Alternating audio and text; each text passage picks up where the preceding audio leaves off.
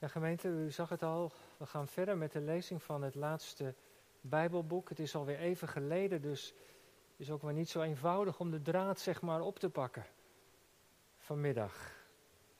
Maar ik heb het toch maar gedaan. Het kost wel wat moeite om al die beelden te, te bestuderen. Maar goed, in ieder geval vanavond openbaringen 10 en een aantal versen uit hoofdstuk 11 voortgaande lezing van dit laatste Bijbelboek. We hebben het niet voor niets van de Heer ontvangen. Daarom is het ook goed om erbij stil te staan. En ik hoop u daarin mee te nemen.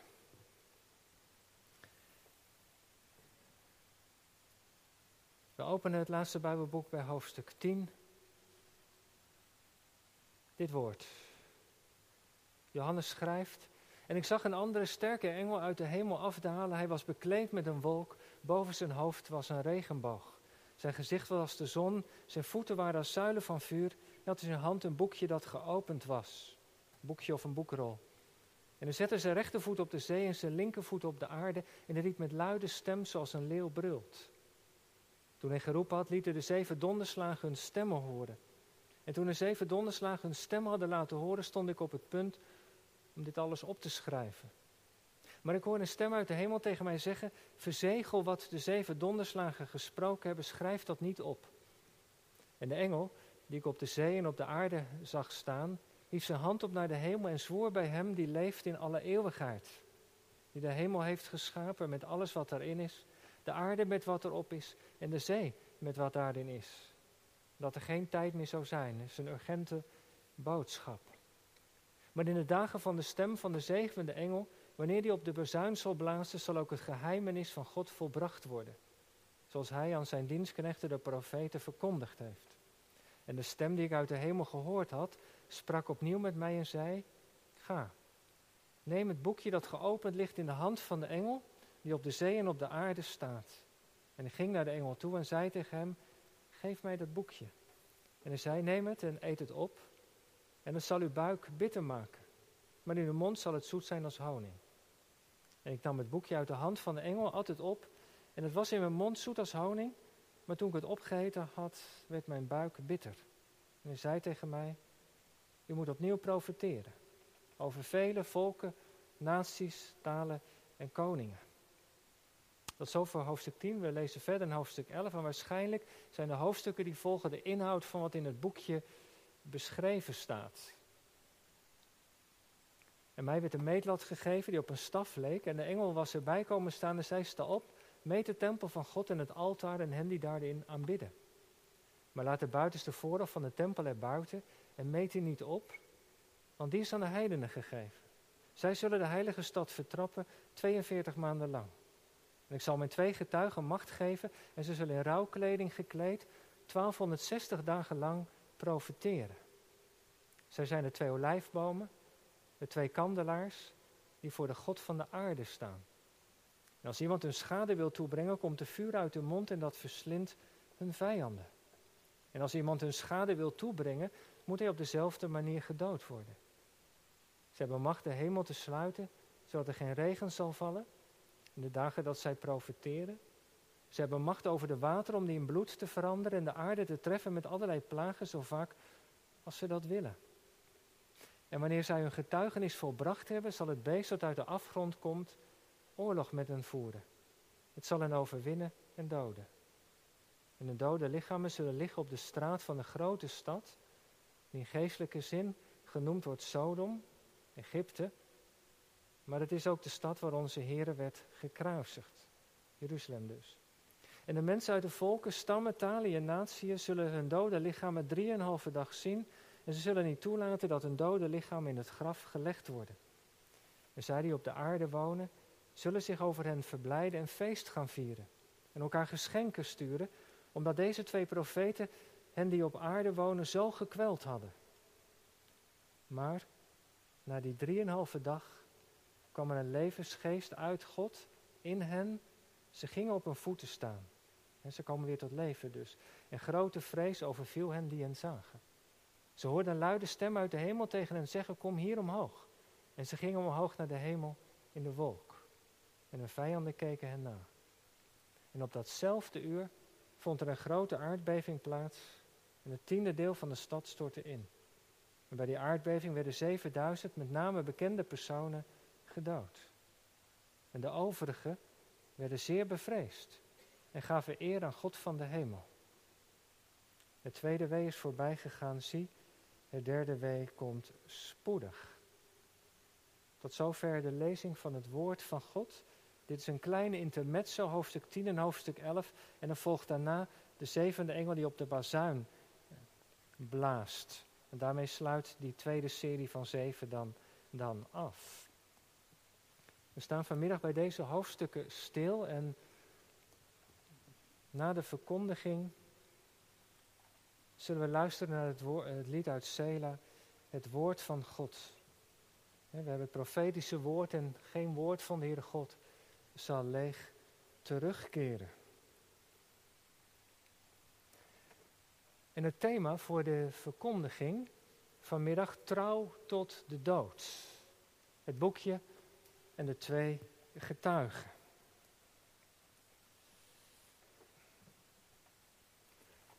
Gemeente van Christus, broeders en zusters, thuis en hier in de kerk. Openbaring is een boek dat tot de verbeelding spreekt.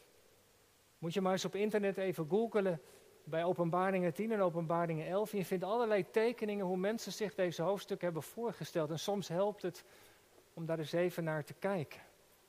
In de app in de kerk heb ik een paar schilderijen even geplaatst van Anneke Kaai. Die een hele serie heeft gemaakt over de hoofdstukken van Openbaringen. Op een hele prachtige manier heeft dat weergegeven. De foto's waren wel donker. Maar het is goed om daar nog eens naar te kijken, want dat helpt. Soms zeggen beelden meer dan duizend woorden. Maar voordat we vanmiddag nog eens goed gaan kijken naar wat Johannes schildert, wat hij vertelt, misschien is het goed om nog even iets voor het voetlicht te halen. Drie dingen eigenlijk, want we zouden dat makkelijk kunnen vergeten. Allereerst, dit boek, dit laatste Bijbelboek, is geschreven als een troostboek. U weet het, zo is het gestart. Kleine gemeentes in een grote Romeinse Rijk, vervolgd. Christen die het moeilijk hebben om de naam van Jezus te beleiden. Veel tegenwerking ervaren zij daarin. En dit boek is geschreven om ze te bemoedigen, te troosten, om moed te geven. En als je wat terugbladert in het boek, met name hoofdstuk 4 en 5, dan krijg je een soort visioen van de troonzaal. Dat is zeg maar de controlekamer van het universum. En daar zit de Vader op de troon en ook de Heer Jezus aan zijn rechterhand. Het lam en de leeuw, zoals ik bad, daar in de hemel aanwezig. Of als je nog wat verder terug zou bladeren, dan is daar in hoofdstuk 1 dat prachtige visioen van de Heer Jezus. De opgestane Heer die vol macht en majesteit daar staat. En Hij is het die spreekt. Hij is het die wandelt te midden van de zeven kandelaarden, te midden van de zeven gemeentes. En dat was voor de mensen, de gelovigen van de eerste eeuw, een enorme bemoediging. Heer Jezus die, die weet van hun lijden, hij is de opgestane Heer, hij is erbij, hij houdt als het ware hè, die, dat leven daar van die gelovigen in stand. En dan met dit laatste Bijbelboek krijgen ze een beetje meer zicht eigenlijk op de plannen die de God heeft. Maar de gedachte is, wat er ook op aarde gebeurt, het glipt de Heere God niet uit zijn hand.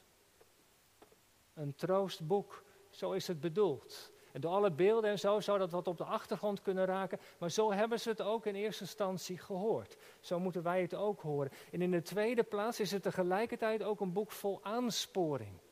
die zeven brieven die in hoofdstukken 2 en 3 Ehm, verteld worden, weergegeven worden, die eindigen allemaal met een oproep: wees trouw tot de dood. En ik zal u de kroon van het leven geven. Het is ook een aansporing, christen de minderheid in seculiere omgeving, om trouw te blijven aan het woord van God, trouw te blijven aan de Heer Jezus. En wie Heer Jezus kent en wie het zegel van de geest in zijn hart heeft, heeft geen gemakkelijk leven, maar zijn of haar leven is wel veilig in Gods hand, geborgen. En Satan kan van alles doen, maar het geloof kan hij Gods kinderen niet ontfutselen.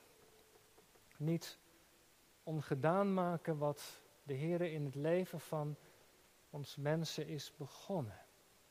Troostboek, aansporing en als derde ook dit. Johannes mag aan de gelovigen van het eerste uur en wij lezen mee van, vanmiddag, mag hij iets onthullen van de plannen van God.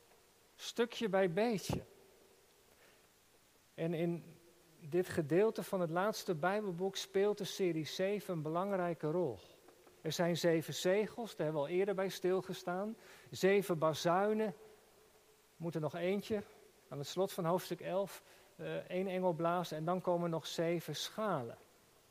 En die, die, die, die zeven schalen, die zeven bazuinen en die zeven zegels, die staan voor de oordelen die van God die over deze wereld gaan. Die gaan over de rampen die op deze aarde zullen plaatsvinden. En het is opvallend, dat is wel belangrijk om te weten, elke serie van zeven heeft kleine intermezzo's, kleine tussenstukjes. In de eerste serie over de zeven zegels was er daar hoofdstuk 7. Dat gaf ons een inkijkje in de hemel. De twaalf stammen en de grote schade die niemand kon tellen. was een intermezzo. En nu in deze tweede serie met de zeven bazuinen heb je een intermezzo van maar liefst twee hoofdstukken. Hoofdstuk 10 en 11. En bij de laatste serie heb je ook weer een soort tussenstuk. Daar gaat het dan over de vrouw en de draak, het beest en het lam. En de uitleggers wijzen daarop. die, die, die zeven uh, bazuinen, die zeven zegels, die zeven schalen, daar zit een soort progressie op. Eerst gaat het over het kwaad op de aarde van een kwart, dan een derde. En dan gaat dat steeds, neemt dat als het ware steeds meer toe. Maar die intermezzo's die houden zeg maar die afwikkeling van die zegels een beetje op. De uitleggers wijzen erop dat het lijkt een soort, ja het is niet zo'n goede uitdrukking, een soort vertragingstactiek. Er, vindt een bepaalde progressie plaats, een, paar, een bepaalde toename, maar dan stopt het even. En dan gaat het over wat anders. Het lijkt alsof de Heere God die serie van, van kwaad en van oordeel onderbreekt. En ze leiden daar dit uit af dat als het ware de Heere God ook aarzelt om die, om die, die engelen die dat kwaad op aarde uitvoeren, dat zijn ook verderfengelen, om ze hun gang te laten gaan. En daarachter zit dan de gedachte dat de Heere God niets liever wil dan dat wij, dat mensen op deze aarde tot geloof komen in de Heer Jezus. Hij wil het oordeel en het kwaad niet, maar het leven. Hij wil niets liever dan dat mensen tot geloof komen in de Heer Jezus. En nu kijken we samen met Johannes vanmiddag naar hoofdstuk 10 en hoofdstuk 11. Het boekje, de boekrol hoofdstuk 10. En als we samen met Johannes even goed kijken naar wat er in het hoofdstuk wordt verteld, dan ziet hij een engel staan. En die staat met één been op de aarde, met één been op de zee. En de beschrijving is best bijzonder. Als je wat terugbladert in het eerste Bijbelboek, de beschrijving van de Heer Jezus in het eerste hoofdstuk lijkt daarop. Hij is omgeven door een wolk. Er staat een regenboog boven zijn hoofd. Zijn gezicht is stralend als de zon, zijn voeten als vuur. Is een beschrijving van iemand die als het ware zo direct uit de hemel komt stappen.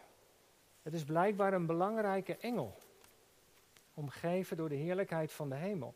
En het feit dat hij zowel op de aarde als op de zee staat, de uitleggers wijzen erop dat dat betekent dat zijn boodschap voor heel deze planeet, voor heel deze aarde geldt. En Johannes hoort hem spreken met een luide stem. Zo luid dat het lijkt alsof het een donderslag is bij, bij een heldere hemel. En de engel die zweert ook nog een keer bij, bij God die de schepper is.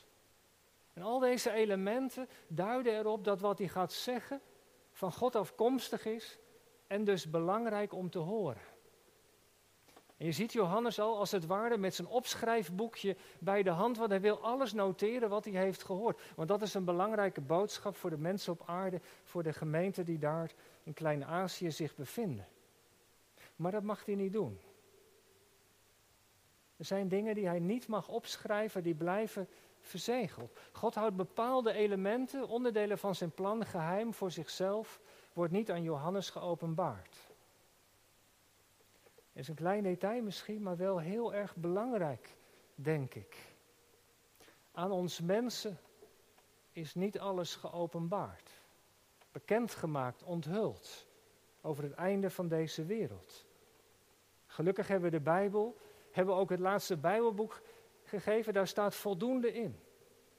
Om de Jezus te kennen, om getroost, zoals ze dat vroeger zeiden, te kunnen leven en te kunnen sterven. Maar God houdt ook dingen voor ons verborgen. En dat moet ons als gelovigen en zeker ook de uitleggers terughoudend maken.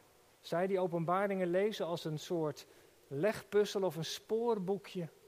Zijn hele schema's kun je op internet vinden, hoe alles op elkaar ingrijpt. Wat er allemaal gaat gebeuren, allemaal chronologisch. De een volgt het andere op. Er ontbreken puzzelstukjes. Niet alles is door de Heere God bekendgemaakt. We zien niet het hele plaatje.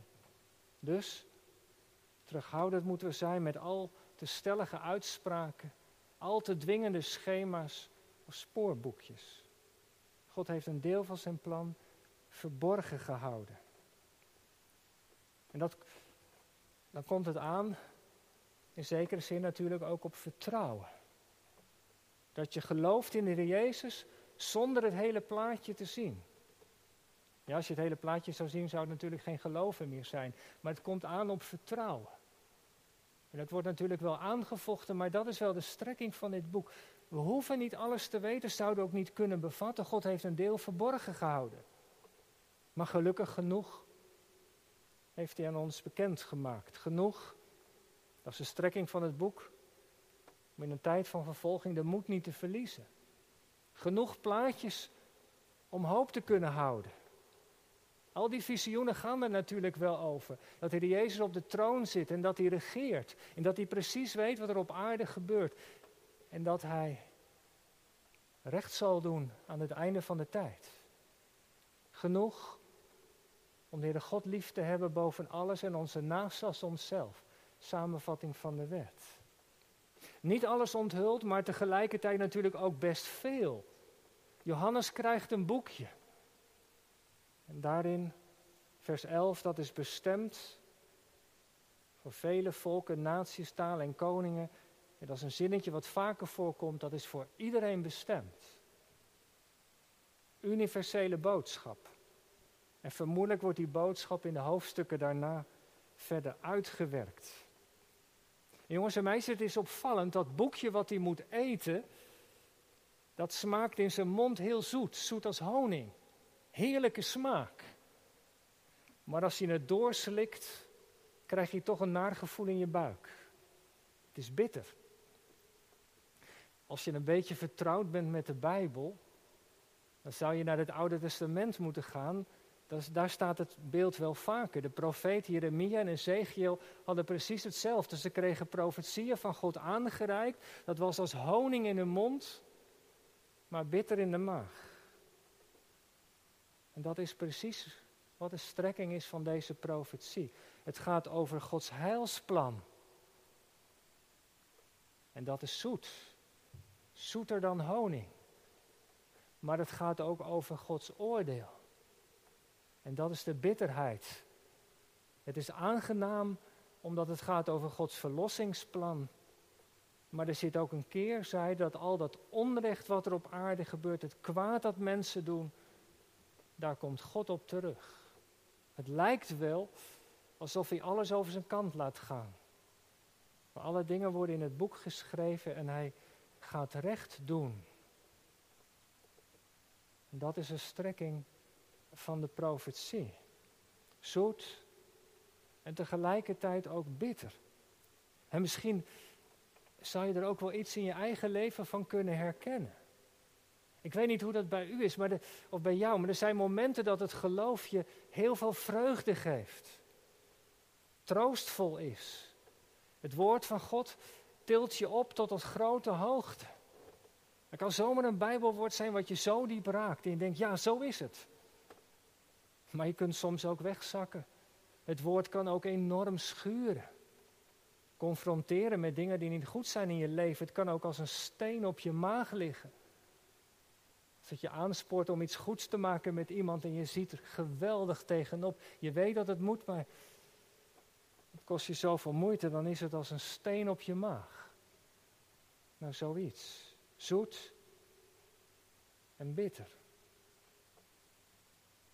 En als zodanig wel heilzaam. En dat is het mooie van de woorden van God. Die zijn altijd gericht om ons heil te schenken. Dus gericht op het heil, nooit op ons onheil. Het woord van God, dat keert ook nooit leeg terug. Er zijn duizenden, miljoenen boeken in de wereld die je kunt lezen, maar er is één woord wat een belofte in zich draagt, dat als je begint te lezen, je leven radicaal verandert. Johannes neemt het boekje, hij eet het en hij begint te profeteren. Wat zou, wat zou dit hoofdstuk nou willen zeggen? Ik denk in eerste instantie dit. Die woorden die Johannes spreekt, die ook in het laatste Bijbelboek staan, die komen bij God vandaan. Daar zit het gewicht van de Heere God achter. Het is belangrijk. Niet alles is onthuld, maar wat onthuld is, wat gezegd is, daar moeten we acht op geven. Het profetische woord van de Heer, dat moeten we onderzoeken, daarmee bezig zijn, Berea-christenen zijn, handelingen 17. Datgene wat we hebben gegeven, ontvangen, dat we daarmee aan de slag gaan, onderzoeken. Want dat is het profetische woord van God. We hebben dat nodig. Dat het licht schijnt over ons leven, over wat er in de wereld gebeurt. God heeft de regie, wat hij onthult is belangrijk. En ik denk ook, als je even teruggaat naar de eerste eeuw. Een kleine christelijke gemeente vervolgd. En ze horen daar van Johannes die de woorden van God krijgt. Die die woorden tot zich neemt, in zich neemt en dan begint te spreken, zou dat ook niet een aansporing geweest zijn voor de gelovigen van het eerste uur? Dat is blijkbaar de bedoeling van de Heere God. Dat de woorden die je van Hem ontvangt, dat die door je heen gaan, maar dat je er ook wat mee doet. Want het gaat wel om getuigen. Er is profetisch licht nodig vandaag de dag. Speelt zoveel in deze wereld. Mensen lezen de kranten, maar ze zien het plan niet wat God heeft. Er zijn mensen nodig die daarover spreken. Mensen die weten dat God in deze wereld aan het werk is. Dat zie je niet op het journaal, dat lees je niet in de krant. Maar de geest die laat dat zien. Hij heeft een plan. Hij werkt. En op zoveel plekken in deze wereld, dat vertelt Open Doors ons, komen mensen tot geloof. Je zou het niet verwachten, maar daar in Israël is de Heere God bezig. Werkt Hij aan zijn plan. Maar hij zoekt mensen die bereid zijn om te spreken. Met woorden en daden te getuigen. Ik denk dat het een aansporing was voor de eerste christenen en hopelijk ook voor ons. De roeping die wij hebben hier in de stad Gouda. Getuigen zijn, daar gaat het tweede intermezzo over hoofdstuk 11. We bladeren even door. Jongens en meisjes, het begint een beetje met een vreemde opdracht. Hè? Johannes die moet daar naar Jeruzalem gaan. Dat is in een soort visioen, hè? een soort droom die hij heeft. En dan moet hij iets gaan opmeten. Daar heb je een groot tempelplein en daar heb je het, het allerbinnenste, het heilige der heiligen. Daar stond het altaar. er zit een plein waar mensen, de Heer God, zijn, bezig zijn te aanbidden. En hij moet die plek opmeten. In het Oude Testament kom je dat tegen in, bij de profeten Ezekiel en Zacharia. In dat opmeten, daar zit de betekenis achter van beschermen. God trekt een grens om de tempel heen, om de mensen die in de stad Jeruzalem hem daar aanbidden. En meten heeft de betekenis, denk ik, hier van beschermen. God trekt een grens. Daar mag niemand aankomen maar de rest van, van het tempelplein, de rest van de stad, zal worden ingenomen worden. We lezen over volken, heidenvolken, niet-gelovige volken, die de stad Jeruzalem zullen innemen. 42 maanden lang, 3,5 jaar, zal dat beleg duren. 3,5 jaar is in openbaringen de tijd van de grote verdrukking. Met andere woorden, er zal een heftige tijd komen voor de stad Jeruzalem. En ik denk, als je dit hoofdstuk leest en op je laat, laat inwerken, dan, dan merk je dat er hele concrete dingen worden genoemd. Het gaat niet zomaar over een denkbeeldige stad, maar over de concrete stad Jeruzalem. Want vers 8, de stad waar onze Here werd gekruisigd. Er is maar één stad waar dat gebeurt is, dat is de concrete stad Jeruzalem. Die stad zal worden ingenomen Maar degenen die God aanbidden daar, die worden door hem beschermd. Die zijn afgebakend, gemeten door Johannes. Wie zijn het precies die daar aanbidden? Dat is niet helemaal duidelijk, maar vermoedelijk gaat het, gaat het over Joden die daar in Jeruzalem wonen, die in de Messias geloven, in de Heer Jezus. Messias beleidende Joden, of die Jezus als Messias aanvaard hebben. En het is een moeilijke tijd, de heidense volken, zijn het Arabische volken of andere, dat weten we niet. Zo concreet is de, kunnen deze profetieën ook weer niet, niet duiden, dat, dat zal duidelijk moeten worden. Maar die, zullen de stad innemen. En ondanks dat al die dingen daar gebeuren, stuurt God twee getuigen. In die heftige tijd gaan ze daar op de stad, in de stad profeteren. Ze spreken daar over de plannen van God. Met deze wereld, met het volk, met de stad. Ze zullen spreken over Gods oordelen die over de wereld gaan. Ze zullen getuigen van Jezus die de Messias is. Ze staan daar in de stad waar hij is gekruisigd. En als je deze hoofdstukken, ja, daar moet je iets meer Bijbelstudie voor doen. Als je die wat, wat nader bekijkt en de kanttekeningen of een commentaar erbij pakt, dan zie je dat in de beschrijving van die getuigen allerlei beelden terugkomen uit het Oude Testament. Uit de profeet Zacharia, de kandelaar, de twee getuigen die voor het aangezicht van de Heer zijn, staan hoge priester Zerubabel. Ze lijken op Mozes en Elia. De mantel van boete doet denken aan Johannes de Doper. En God geeft ze op een bovennatuurlijke manier ook kracht om tekenen en wonderen te doen. Wie zijn die twee getuigen? Ja, dat weten we natuurlijk niet, of nog niet. Er zijn volgens mij twee mogelijkheden. Eerste wijzen uitleggers op dat het twee concrete personen zijn. Die op een bepaalde tijd, daar in de tijd van de grote verdrukking die nog moet komen, in de stad zullen getuigen. De stad is ingenomen. Ze zullen daar getuigen, spreken over de Heere God, over de Messias. Maar de mensen zullen hun boodschap niet pikken. Ze worden gedood. En dan lezen we dat God zich over hen ontfermt en na drieënhalf, na drie dagen weer opwekt uit de dood. Doe denken aan wat met de Heer Jezus is gebeurd. Dus twee concrete personen die daar in die stad zullen getuigen. Er zijn ook uitleggers die zeggen, ja, dit is allemaal meer symbolisch. We zouden bijvoorbeeld kunnen denken aan de kerk. De kerk die getuigt tot de Joden. Misschien wel de Messias beleidende groep die getuigt tot de andere Joden in de stad Jeruzalem. En ook tegen de niet-gelovige volken die daar zullen komen. Ook dat is een mogelijkheid. In die twee lijnen denken de uitleggers. Maar in ieder geval wat, wat in de beschrijving duidelijk is, dat heel veel lijnen van het Oude Testament in deze twee personen samenkomen. De link met Zacharia, met Mozes, met Elia, met Johannes de Doper. Het lijkt alsof God alle profetische lijnen samenbrengt in, die, in deze twee getuigen. Nog één keer klinkt daar in Jeruzalem de boodschap van oordeel en heil. De boodschap van Gods redding die uiteenvalt in oordeel en heil.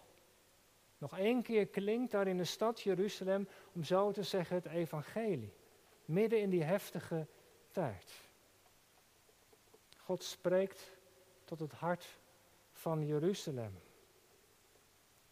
Maar deze boodschap, zo lezen, wordt door de van de twee getuigen wordt niet in dank afgenomen.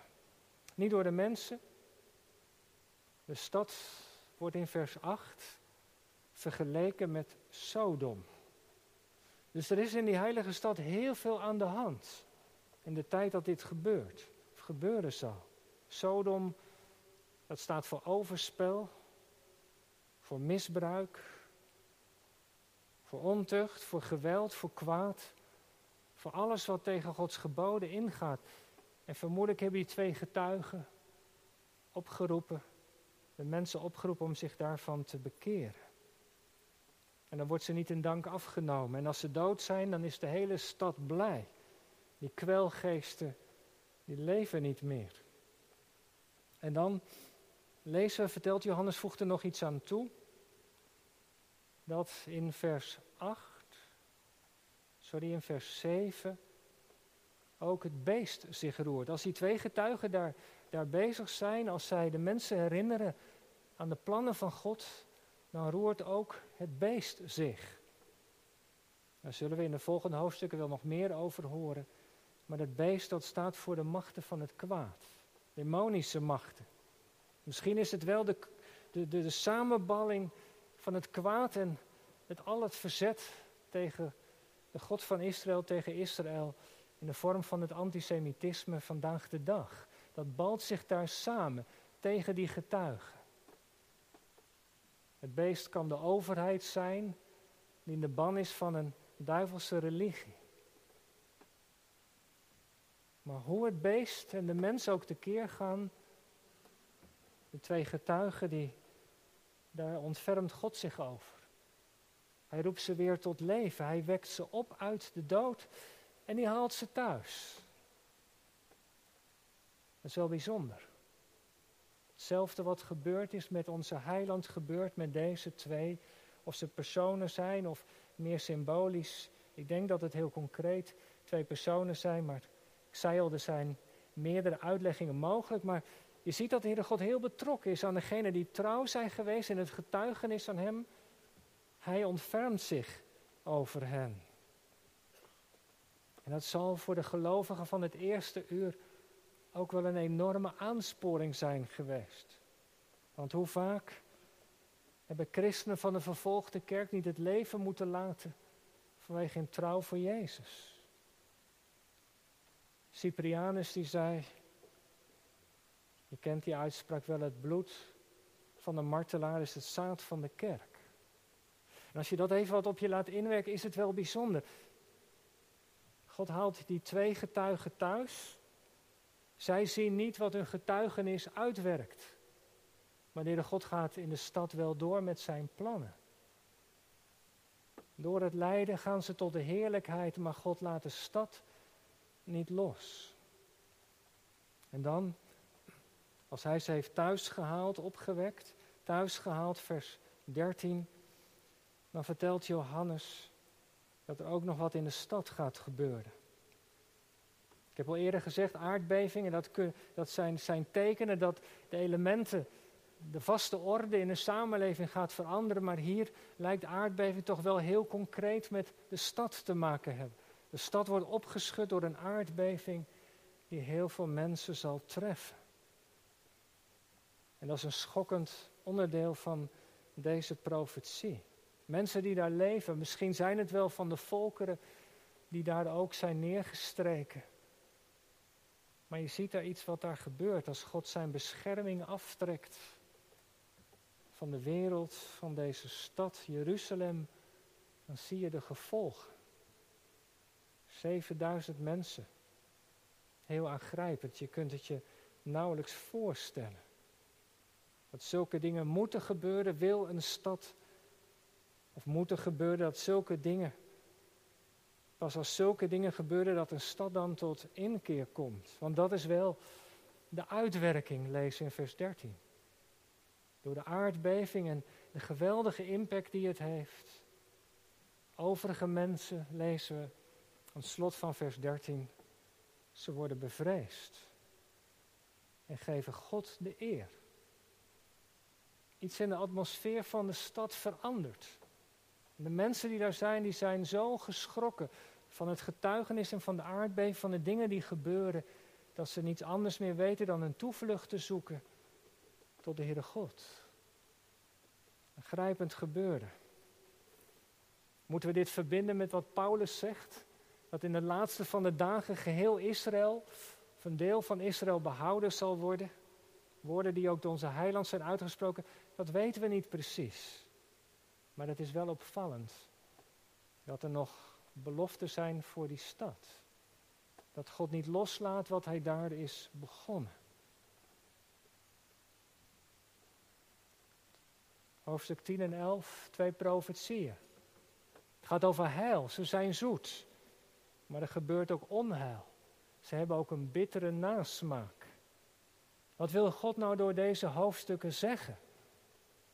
Heb drie dingen genoemd en daar rond ik deze preek mee af. Omdat het zo concreet is, dat is het eerste.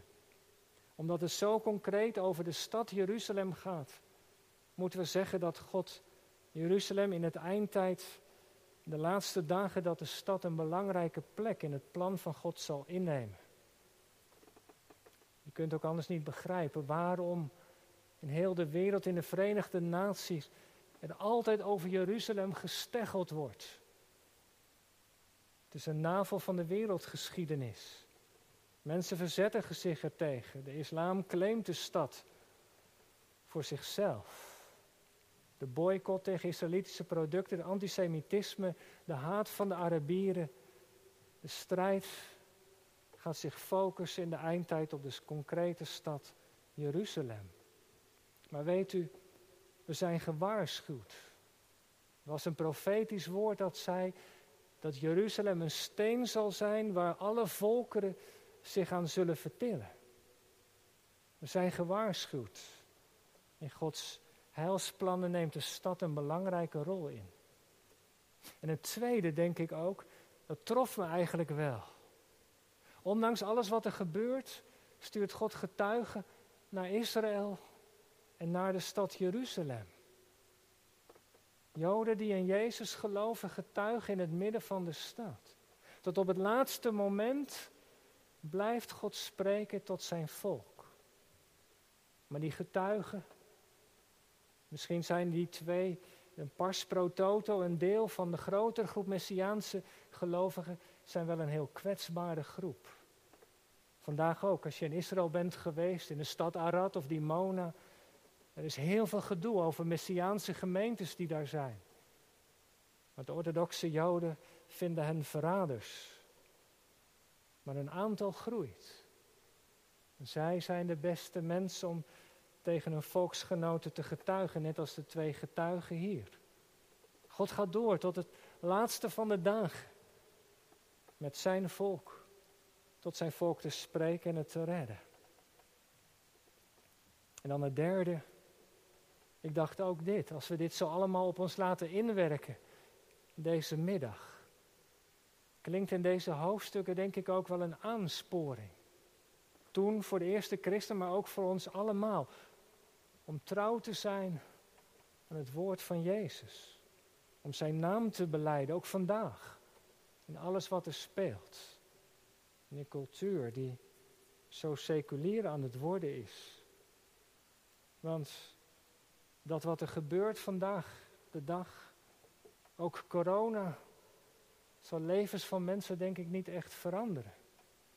Hoogstens wel openmaken. Dat hebben we met de Open Kerk ook zo mooi kunnen merken, met de gesprekken die er waren. Dat mensen toch op zoek raken. Maar ze hebben gelovigen nodig die bij dat woord leven. Die bereid zijn te luisteren en woorden te spreken.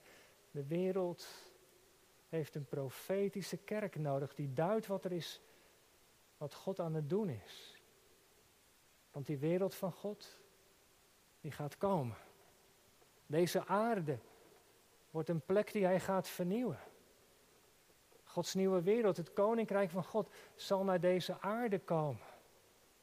En als je daarbij mag zijn, dan zul je helemaal tot je bestemming komen. Geen zonde, geen pijn, geen verdriet meer. Er zijn de geliefden die ons zijn ontvallen, die nu al in de gloria zijn. Dat is de vereniging met de kerk die geleden heeft, die ons is voorgegaan. Maar tegelijkertijd ook het appel. Het is wel belangrijk dat we door de deur gaan. Jezus is de deur. Daar moeten als kerk over spreken. Het heel dit boek van openbaringen is één onthulling van maar één persoon. De persoon van Jezus. Daar gaat het om. En ik hoop dat wij dat ook zullen doen. Het vraagt wijsheid om de juiste woorden te spreken. We moeten niet starten bij het oordeel of de hel. Moet gaan over Hem die het hart is. Over de persoon van Jezus.